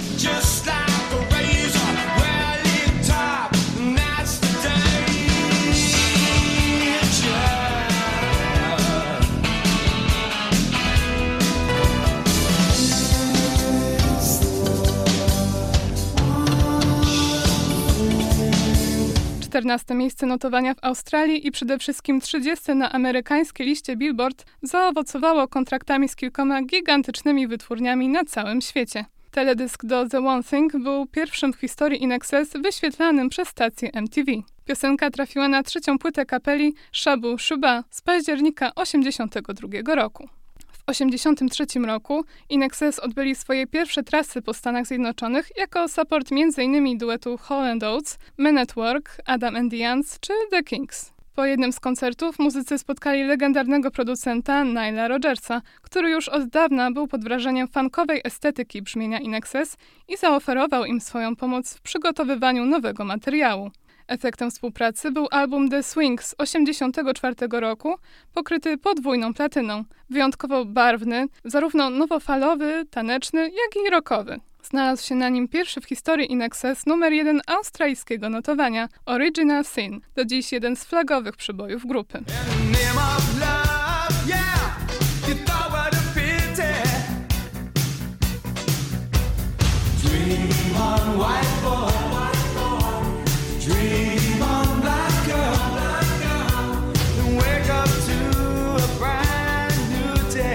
Piąta płyta In Excess, Listen Like Thieves, zajmowała jeszcze wyższe lokaty notowań na całym świecie dzięki świetnym singlom What You Need, This Time, Kiss the Dirt czy tytułowemu Listen Like Thieves. Z każdym albumem muzyką przybywało nowych, coraz bardziej prestiżowych statuetek na półkach. To pokazuje, że popularność In Excess wzrastała stopniowo. W ich historii nie było nagłego przełamania, takiego wielkiego boom, jak często się to zdarza. Zespół bowiem dochodził do wszystkiego sumiennie, małymi kroczkami, z każdym rokiem poszerzając swoje audytorium i nieustannie ulepszając jakość muzyki. Ciągle rosnąca sława w USA przyczyniła się do zakwalifikowania In Excess do nurtu New Wave, nowej fali artystów, w większości brytyjskich, którzy w pierwszej połowie lat 80. zalali amerykański rynek. Obok m.in. Duran Duran, Culture Club, Spandau Ballet, Tears for Fears czy ABC. Jak gdyby na przekór tej etykiecie, brzmienie In Excess powoli oddalało się od estetyki New Wave w stronę klasycznego rocka. Miało się to ujawnić już wkrótce w kawałkach z krążka Kick. Muzycy świetnie przewidzieli moment, kiedy powinni pójść naprzód. Rok 87, kiedy to Kick miało swoją premierę, stanowił początek końca wszystkiego, co kojarzymy obecnie z latami 80.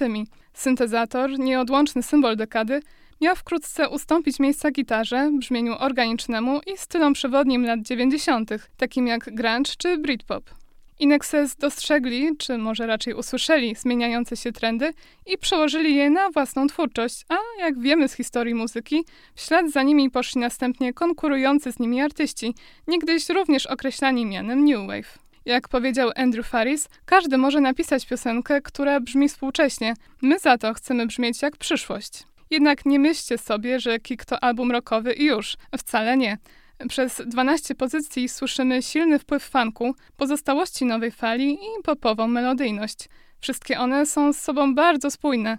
Być może dlatego, że ich kompozytorami są tylko dwie osoby: Andrew Faris i Michael Hutchins, a nie jak to wyglądało w przeszłości cały zespół. Oczywiście miło, jeżeli każdy daje coś od siebie, ale umówmy się, w sześcioosobowym składzie trudno było pogodzić wszystkie, często bardzo zróżnicowane wizje i w konsekwencji cierpiała na tym muzyka in excess. Kluczową warstwą na kick jest wokal Hutchinsa. Jego głos jest bardzo ciepły, a skala nieprawdopodobnie szeroka. Od okrzyków przez wyciąganie niezwykle długich nut, dalej tak zwany breathy voice, czyli taki mocno napowietrzony głos, pełen westchnień i silnie wibrujący, aż po szept. Jak wspomina Andrew Faris, Michael w taki sposób wymyślał razem z nim melodię, że po prostu mu je śpiewał.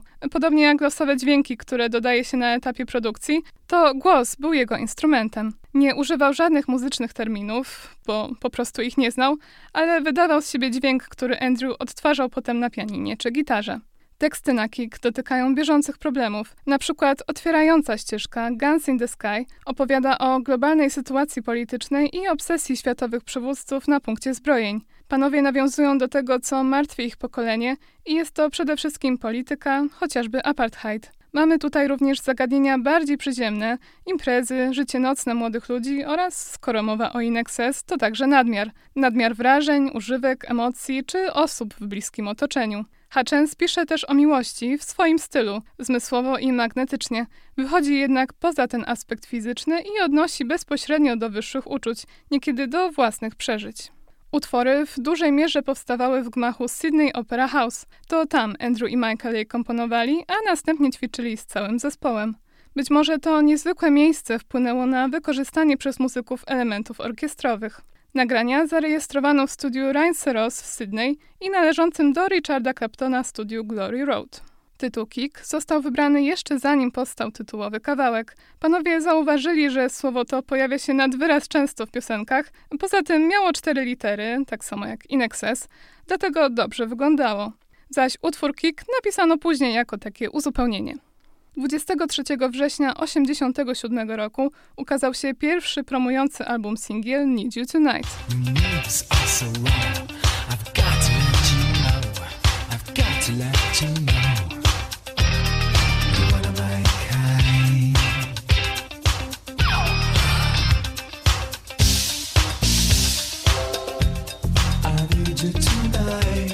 jeden ze sztandarowych przebojów Inexes, wizytówka nie tylko płyty Kick, ale i całej twórczości zespołu. Need You Tonight stanowi także jedyny w historii grupy kawałek, który dotarł na szczyt amerykańskiej listy Billboard oraz najwyżej notowany w Wielkiej Brytanii na pozycji drugiej.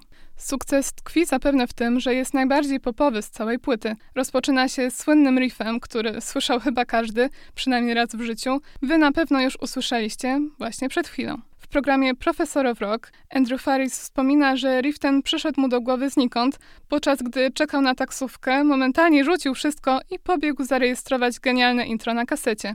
W tym czasie kierowca przyjechał, czekał podobno prawie godzinę pod domem Andrew, ale artyście, który nagle dostaje weny, trzeba takie rzeczy wybaczać. Ferris mówił też, że jak na tak wielki hit, Need You Tonight było wprost banalne do napisania. Riff pociągnął za sobą resztę, a Michael napisał do niej słowa w 10 minut. To bardzo charakterystyczny przykład pisarstwa Hutchensa o uwodzeniu. Uwodzi nie tylko tekstem, ale i wokalem, eksperymentując z jego natężeniem. Teledysk do Need You Tonight w reżyserii Richarda Lowensteina zdobył pięć statuetek MTV Video Music Awards i został sklasyfikowany na 21. miejscu listy 100 teledysków wszechczasów według MTV. Need You Tonight przechodzi w gładko w Mediate, swoją stronę B. Album Kick miał swoją premierę 12 października 1987 roku. Dotarł na szczyt cotygodniowego notowania płyt w Australii i trzecie miejsce w USA, gdzie utrzymał się na liście przez łącznie 79 tygodni. Pokrył się platyną, często wielokrotną, w kilkunastu krajach i jest najlepiej sprzedającym się wydawnictwem In.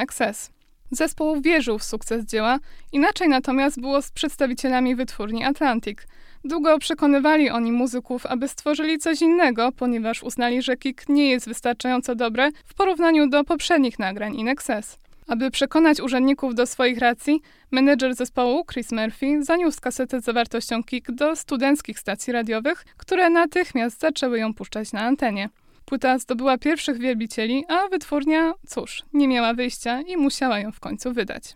Fani czekali na drugi singiel z zatytułowany Devil Inside, aż do lutego 1988 roku. Warto było. Kawałek jest jednym z najbardziej lubianych przez fanów In Excess.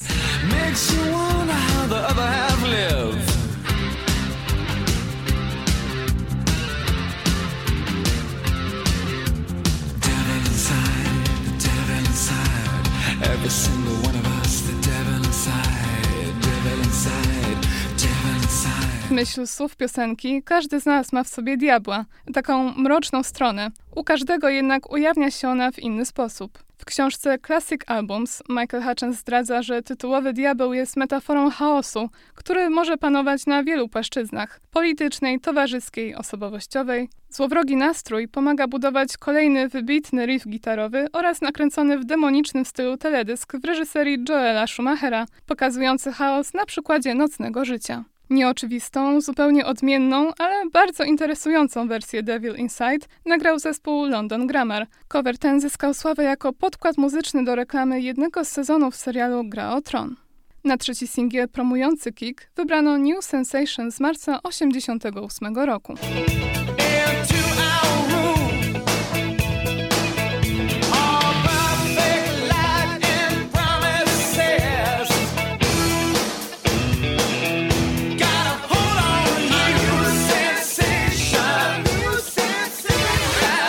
Utwór jest bardzo przebojowy, taneczny. Mamy tu kolejną świetną partię gitary.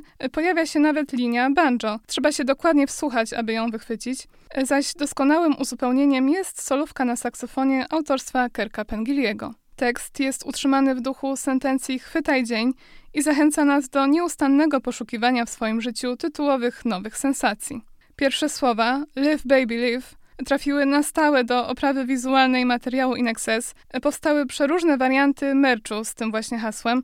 Służy ono też jako tytuł filmu koncertowego InXS z legendarnego występu na Wembley w 1991 roku i stało się takim jak gdyby mottem fanów zespołu.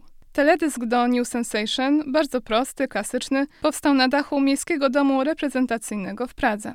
Never Tear Apart jest czwartym singlem z płyty Kick, wydanym w sierpniu 1988 roku. To kolejny ogromny przebój In Excess, prawdopodobnie najbardziej rozpoznawalny w Polsce.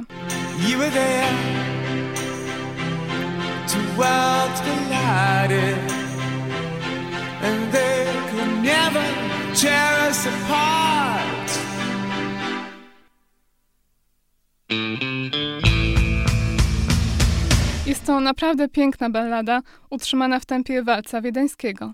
Dramatyzmu nadają jej pauzy pomiędzy kolejnymi częściami instrumentalnymi oraz odtworzona na syntezatorze genialna linia orkiestrowa.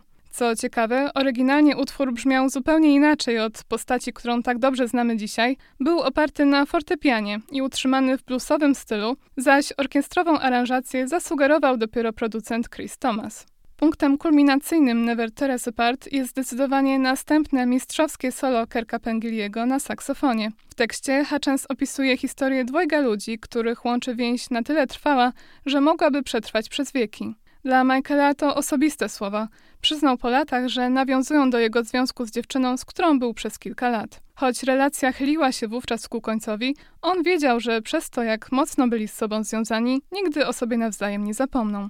Podobnie jak w przypadku New Sensation, teledysk do Never Tear Apart nagrano w Pradze w różnych reprezentatywnych dla miasta miejscach. Na ostatni singiel z wybrano Mystify, wydany dopiero w marcu 1989 roku.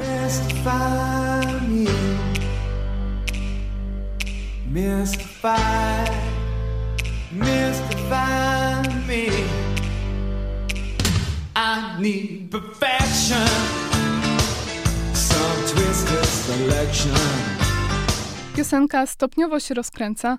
Najpierw mamy jedynie wokal z akompaniamentem fortepianu, następnie pojawiają się kolejne warstwy melodii, z czego robi się klasyczna poprokowa kompozycja. Jak opowiada Andrew Faris, sporo w niej powstało na wyczucie, tak bowiem pracowali Michael i on i dlatego brzmi bardzo autentycznie, niewymuszenie.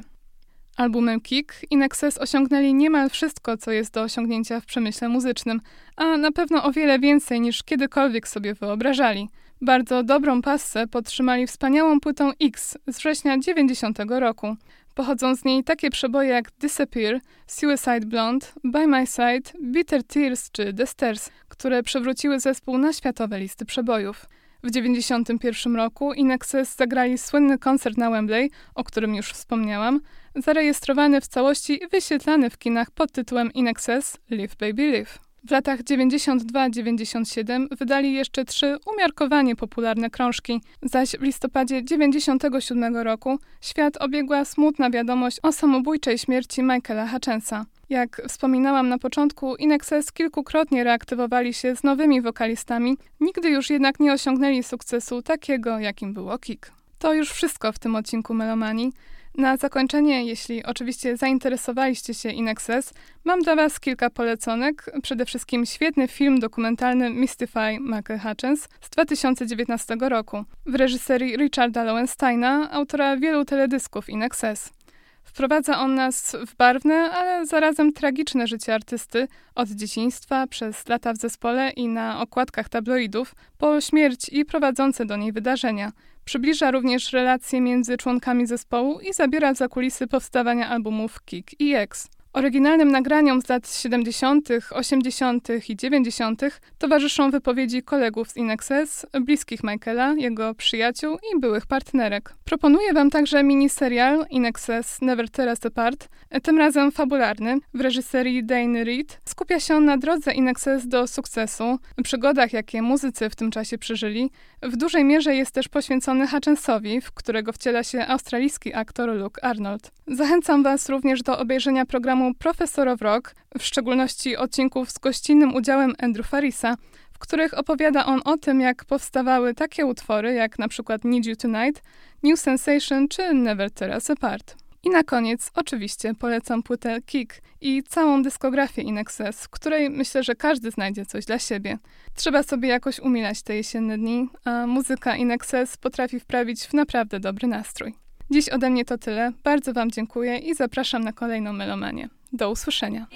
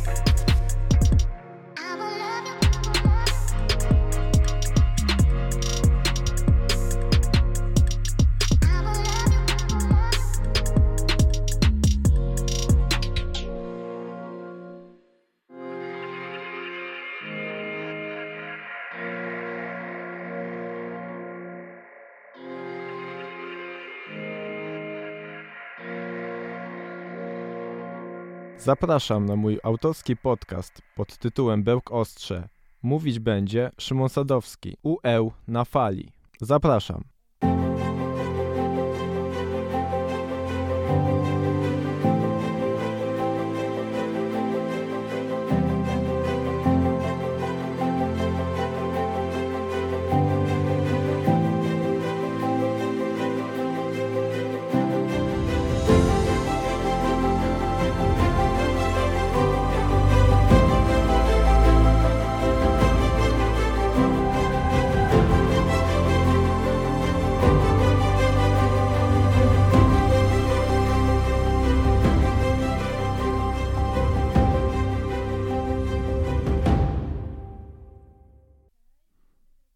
Na pierwszy ogień opowiem Wam o Chrisie. Czym dokładnie jest, skąd pochodzi, a także do czego służy i gdzie możemy współcześnie mu się bliżej przyjrzeć.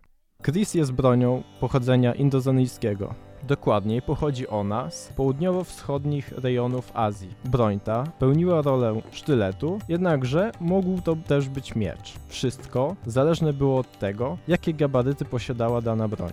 Standardowe rozmiary tej broni wynosiły od 30 do nawet 60 cm, co robi niemałe wrażenie. Z pewnością ta broń była ciężka i trudna w opanowaniu. Jednakże dlaczego wspominam o tej broni? Co jest w niej takiego wyjątkowego? Już mówię. Broń po raz pierwszy zarejestrowano na wyspie Jawa w IV wieku naszej ery. Jednakże jej wyjątkowe wydanie zaczęło się pojawiać dopiero w XIII wieku naszej ery, dlatego, że zaczęto nadawać jej wyjątkowy kształt. Dokładniej, zaczęto wytwarzać ten miecz z falowanym ostrzem. Dlaczego? Już odpowiadam na to pytanie. Początkowo ostrze nawiązywało do budowy anatomicznej węża, jednakże zagłębiając się w mitologię azjatycką, dokładniej hinduską, jesteśmy w stanie stwierdzić, że jest to jawne nawiązanie do ludu Nag. Czym są Nagowie? Już tłumaczę. Są to bóstwa wodne, przypominające węże. Falowane ostrze nie pełniło tylko funkcji ozdobnej. Było to także świetne narzędzie zadające poważne obrażenia. Prócz zadawania ran ostrych, zadawano także rany szarpane z czego wytwarzano tę broń. Początkowo wytwarzano żelaza, później zaczęto dodawać do niego żelazo meteorytowe, które zawierało niewielki pierwiastek niklu, który umożliwiał z kolei tworzenie pięknych i oryginalnych ozdób na ostrzu. Chris pełnił rolę nie tylko zabójczego narzędzia, ale także był reliktem i obiektem kulturowym. Składano ofiary tejże broni, aby nadać jej boskiej mocy. W ramach ciekawostki wspomnę jeszcze, że osoby dzierżące Chrisa często wbijały go w ciało węża, aby ten mógł przekazać część swojej mocy. W późniejszym czasie zaczęto także zatruwać tę broń, co zwiększyło śmiercionośność tej broni. Jak sami słyszycie, broń sama w sobie jest wyjątkowa. Wielu z Was z pewnością widziało podobne bronie, we współczesnej kulturze możemy się przyjrzeć temu jeszcze bliżej, za sprawą filmu czy też dobrej gry wideo. Moimi przykładami są Demon Souls, a także Gothic 3. Jak sami słyszeliście, nie trzeba być znawcą, aby móc sobie wyobrazić, jak piękne, ale także jak skuteczne jest to narzędzie. Mam nadzieję, że Was nie zanudziłem i się słyszymy w kolejnym odcinku. Jednakże nie będę zdradzał, o czym sobie porozmawiamy następnym razem. Mówił do Was Szymon Sadowski. UE na fali.